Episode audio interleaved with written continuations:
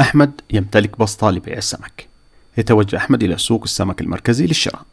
اليوم اشترى حوت تونة بوزن 20 كيلوغرام. كلفه 20 ألف ريال. باعه في بسطته ب 40 ألف ريال. يا له من مكسب. قبل أن يصل إلى البيت بدأ في الصرف. سدد بعض الالتزامات. وصل البيت وبدأت الطلبات. لم يجد في جيبه نهاية اليوم إلا 200 ريال. أحمد لا يستطيع الاستمرار في عمله.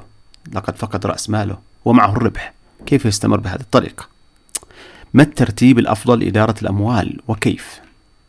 أحمد يحتاج إلى مساعدة في ترتيب أمواله لا ينبغي على أحمد أن يصرف أكثر من المبلغ المخصص لإدارة عمله بمعنى رأس المال العامل الذي يمثل النقد المطلوب لاستمرار النشاط الرئيسي وهو الشراء والبيع فكر أحمد عليه أن يمتلك دفتر لتسجيل عمليات البيع والشراء الوارد والمنصرف فكر أيضا أن يفتح حسابا في المصرف عليه دائما يحتفظ مبلغ لإدارة النشاط والمبلغ المخصص للمصاريف.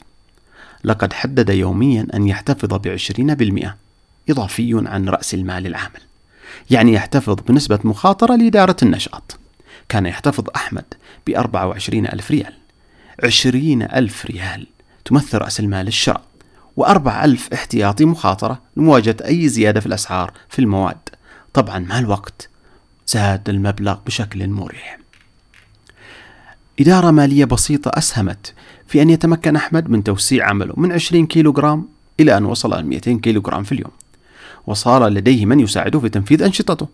صحيح أنه عانى من وقت صعيب بسبب إدارته للنقود بحرص شديد وكان يسمع الكثير يناديه بالبخيل إنه إلا أنه لو لم يفعل ذلك لما تمكن من الاستمرارية والاستثمار في تنمية عمله. كن مثل أحمد.